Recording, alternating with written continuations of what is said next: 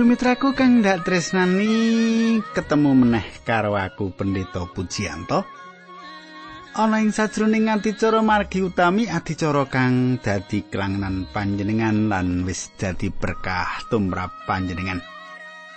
Katanggu apa panjenengan wis nyawisake wektu kanggo aku kanggo sinau babagan-babagan karohanen? Ayo pinarak kang sekeca, aku bakal medharake pangandikan Gusti kanthi urut. Sugeng midhangetake adicara iki.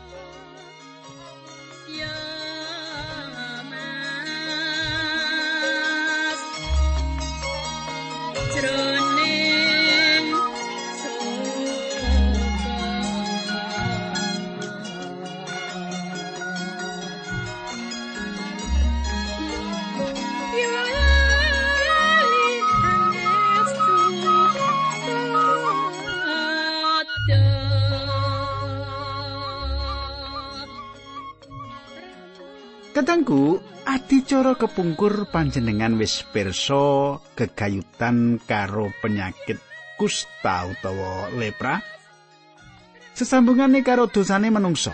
Dadi penyakit kusta utawa lepra kuwi ana sesambungane karo dosane manungsa.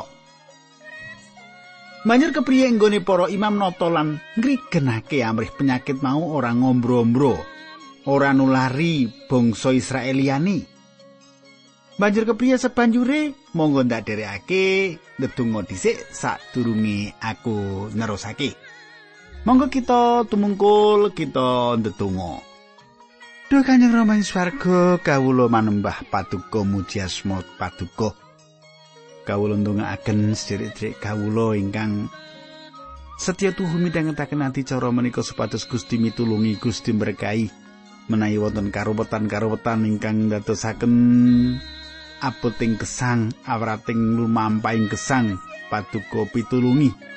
Dinambaran asmanipun Gusti Kawulo Yesus Kristus kawulo netunggal haleluya. Amin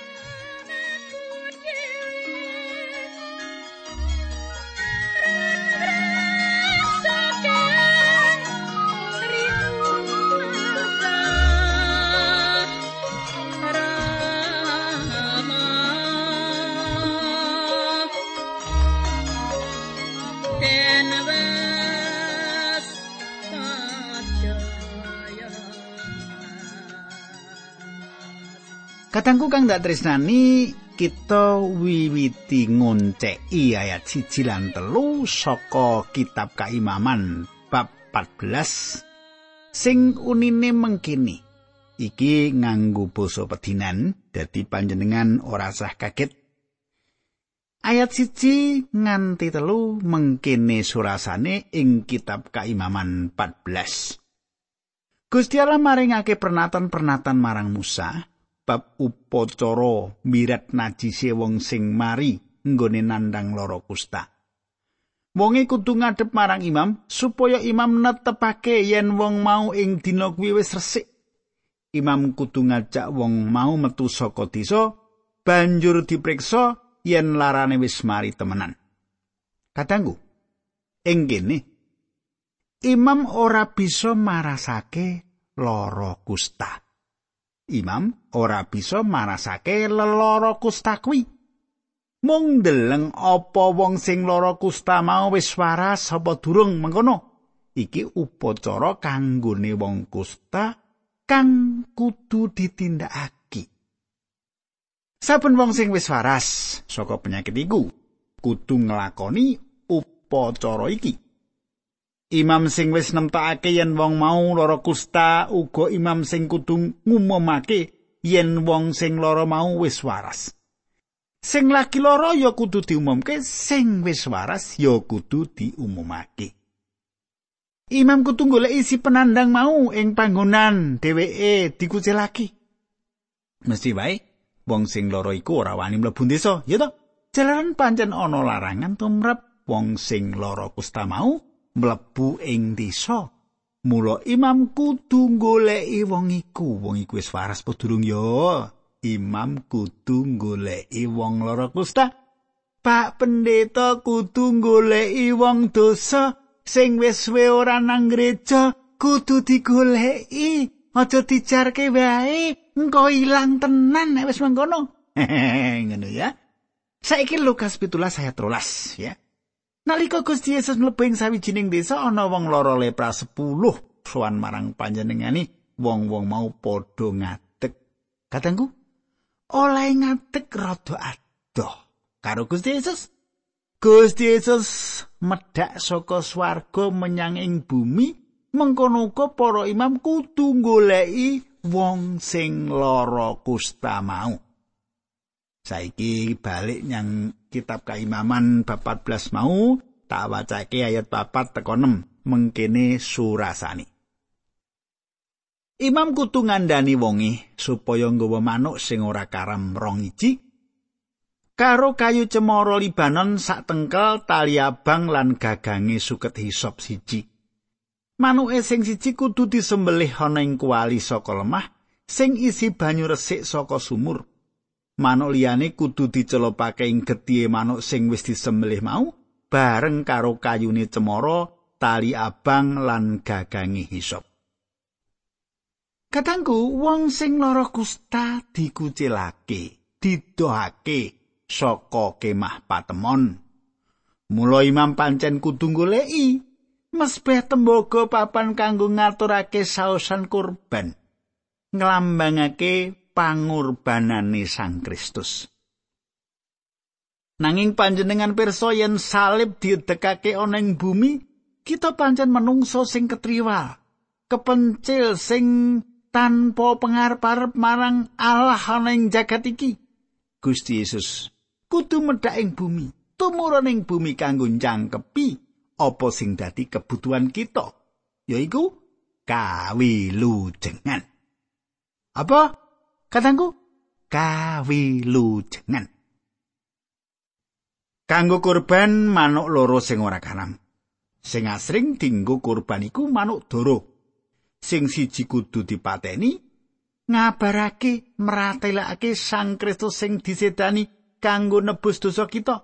Sing siji tetep isih urip, sing gambarake Kristus sing wungu saka antarane wong mati. Iki rong perkara saka Injil. Ing kurban mau uga nggunakake kayu aras sing gambarake kamanungsane Sang Kristus sing sempurna. Kayu aras iki atos. Ora gampang rusak. Nuli katambahan meneh hisop. Hisop iki jinise tetukulan sing uripe ana dhuwur karang ing panggonan sing lembab hisop gambarake imane manungsa nuli ditambahi meneh kuali saka lemah sing uga gambarake kamanungsane Sang Kristus. Rasul Paulus gambarake pribadine kaya dene grabah lemah ing loro Korinta papat ayat pitu grabah lemah upamane urip kita iki. Getas ora tahan bantingan gampang rusak iki watek wantune manungsa sing gopok banyu sing mili uga nggambarake banyu sing murip banyu sing dijupuk saka kali utawa sumber. Iki nggambarake sabdane Gusti lan roe Allah ya iku roh suci. Salah siji manuk mau disembelih ing dhuwure kuali ing grabah lemah sing ing ngisore ana banyu sing murip mau. Iki nggambarake apa? Kadangku iki nggambarake Sang Kristus sing wis masrahake sarirane kanggo kurban kanthi lantarane roh suci Kadangku manuk sing urip iku dicelopake ing jerone getih manuk sing disembelih mau kanggo nyawijake kahanan antarane manuk-manuk mau. Nuli manuk sing rampung dicelup ing getih kuwi di iberake maneh. Saiki coba kita nyemak ing perjanjian anyar yaiku Galatia 5 ayat 1. Saiki kita padha merdika Sang Kristus wis merdikake kita mulane adekmu dikaya wong merdika aja gelem dadi batur tukon meneh. Kadangku kedadian ing dhuwur mau yen dideleng sing disemak saka isine Galatia iki duweni teges supaya kita ora diranti meneh dening agama lan upacara-upacara ing jaman iku. Gusti Yesus wis kersa dadi ganti kita kanggo nampa paukuman sing mestine ditibakake marang kita. Lan Gusti Yesus kawungake kanggo kabecikan lan kamulyane urip kita. Ngidapi-dapi wong Kristen. Ya wong pracaya wis diparingi kamardikan kaya abure manuk sing diecolake saka pangorbanan. Dadi para wong pracaya mung netepi lan nglakoni apa dawuh Sang Kristus. Saiki coba gateke Yohanes 14 ayat 15. Menawa kowe padha tresna marang aku, padha nglakonana pepakonku. Coba semak kaimaman 14 ayat pitu. Getihe manuk sing ana ing kuali mau kudu dikepyur-kepyurake dening imam menyang wong sing wis waras mau rambah ping pitu Imam banjur netepake yen wong mau wis resik, sawise kuwi manuk sing isih urip mau diculake ana ing ora-ora.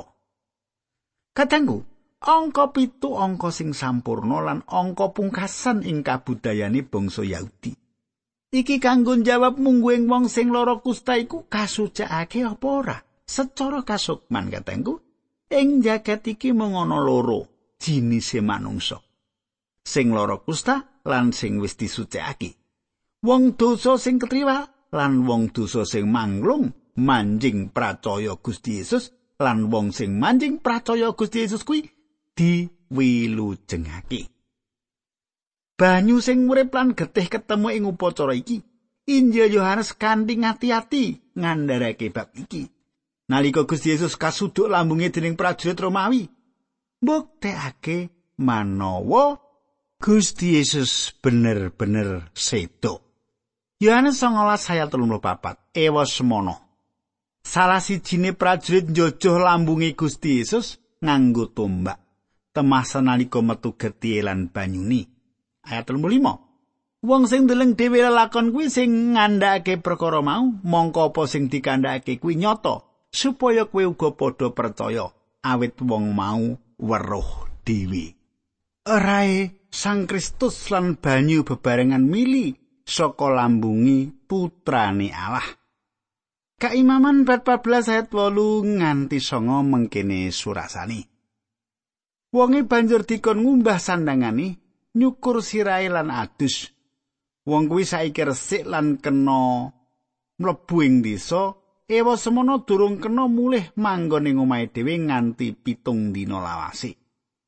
Sawise pitung dina wong mau kudu nyukur sirahe meneh semono uga jenggote alise lan kabeh wulu ing badane sakujur sawise kuwi kudu ngumbah sandangane banjur adus sawise mengkono wong mau dadi resik manut prenatane agama Katangku upacara kurban kanggo mirat loro kusta sing wis disucikake iku wis rampung. Banjur sadurunge wong sing wis disucikake mau bali kumpul karo keluarga lan masyarakat, nganakake upacara sing gambarake yen urip lawas wis diganti nganggo urip anyar. Klambi nglambangake pakulinan ing uripe. Rambut sing dicukur nggambarake owah-owahane uripe sing lagi dilakoni sok sapa sing percaya marang Kristus.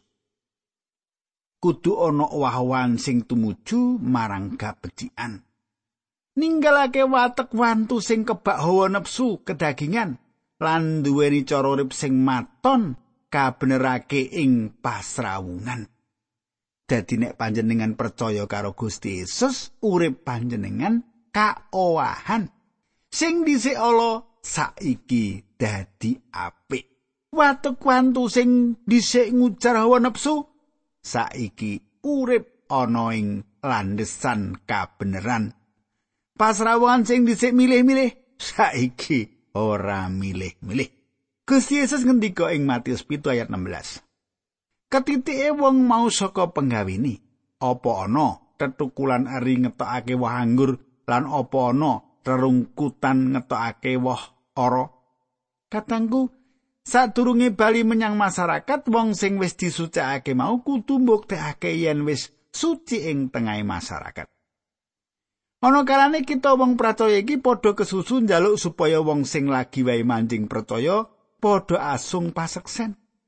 kudu wis ngalami owah-owahane urip dhisik. Wong sing wis disucikake iki nuli adus nganti resik.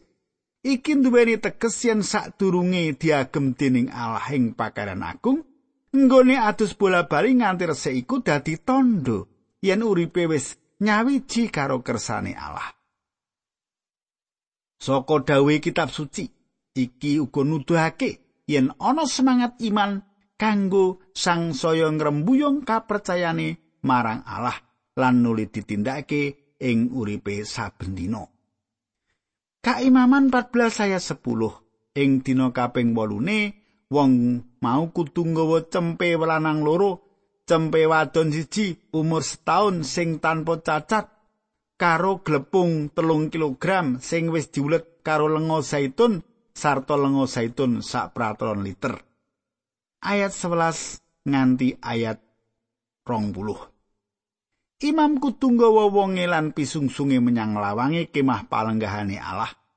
Cempene lanang siji lan lengane zaitun sak peraturan liter mau kudu disaosake dening imam dadi korban dendo. Korban kuwi pisungsung mligi kunjuk marang Allah lan dadi bagiane imam. Imam kudu nyembelih cempene ing panggonan suci sing adate kanggo nyembelih kewan sing dinggo kurban obongan cempe mau kudu disembelih ing kono merga kurban denda lan kurban pangruwating dosa kuwi suci banget lan dadi bagiane imam imam kudu ndulit getihe cempe mau lan ngleletake ing kupinge tengen wong sing ngarep ditetepake resik mau semono uga jempolane tangan tengen lan jempolan sikil tengen. Imam banjur ngesok lengane zaitun sedhithik ing epek-epek kiwa sarta nyelopake drijine tengen siji ing lenga sing ana ing epe-epe iki banjur ngepyur-ngepyurake lenga mau rambah ping pitu ing jeron kemah palenggahane Allah. Imam banjur ndulit lenga sing ana ing epe-epe karo getihe cempe mau dileletake ing kupinge tengen wong mau jempole tangan tengen lan jempole sikil tengen Turahane lenga sing ana ing tangane imam banjur diusapake ing sirahe wong mau kaya mengkono patrape nindakake upacara sesuci manut pernataning agama. Sawise mengkono imam banjur nyaosake korban pangruwating dosa lan nindakake upacara sesuci manut pernataning agama, imam banjur kudu nyembelih kewan sing arep dinggo korban hubungan. Lan nyaosake korban mau bebarengan karo korban gandum ing mespeh kaya mengkono patrape nindakake upacara sesuci manut pernataning agama supaya wonge dadi resik. Katengku mengkono pangandikani saka kitab kaimaman. Wong sing wis waras saka lara kusta iki kudu tetep atur kurban awujud wedhus gibas kanggo panebus sekabeh kaluputan.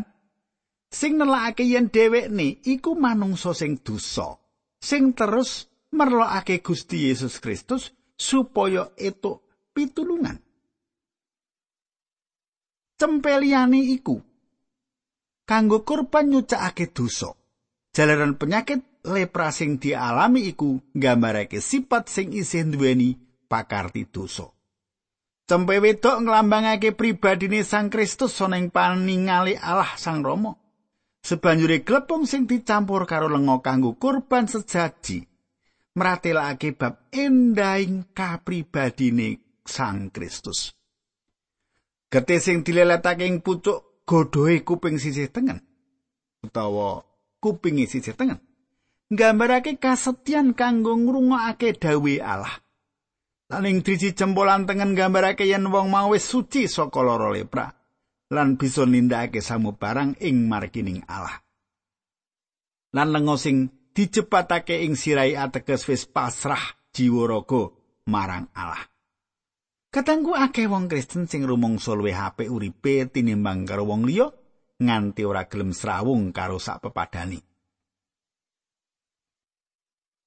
Kita ora beda karo wong liyane sing merlokake panyucen saben wektu ing ngarsane Allah. Lan kanggo wong-wong miskin pisungsung sing kudu digawa ditulis ing ayat sak banjure yaiku ayat 33 nganti patang puluh pitu. Mengkene surasane Gusti Allah ndawuhake marang Musa lan Harun pernatan bab omah sing kena ing loro buduk. Semasa bangsa Israel wis manggon ing kenaan tanah sing dijanjake dening Gusti Allah.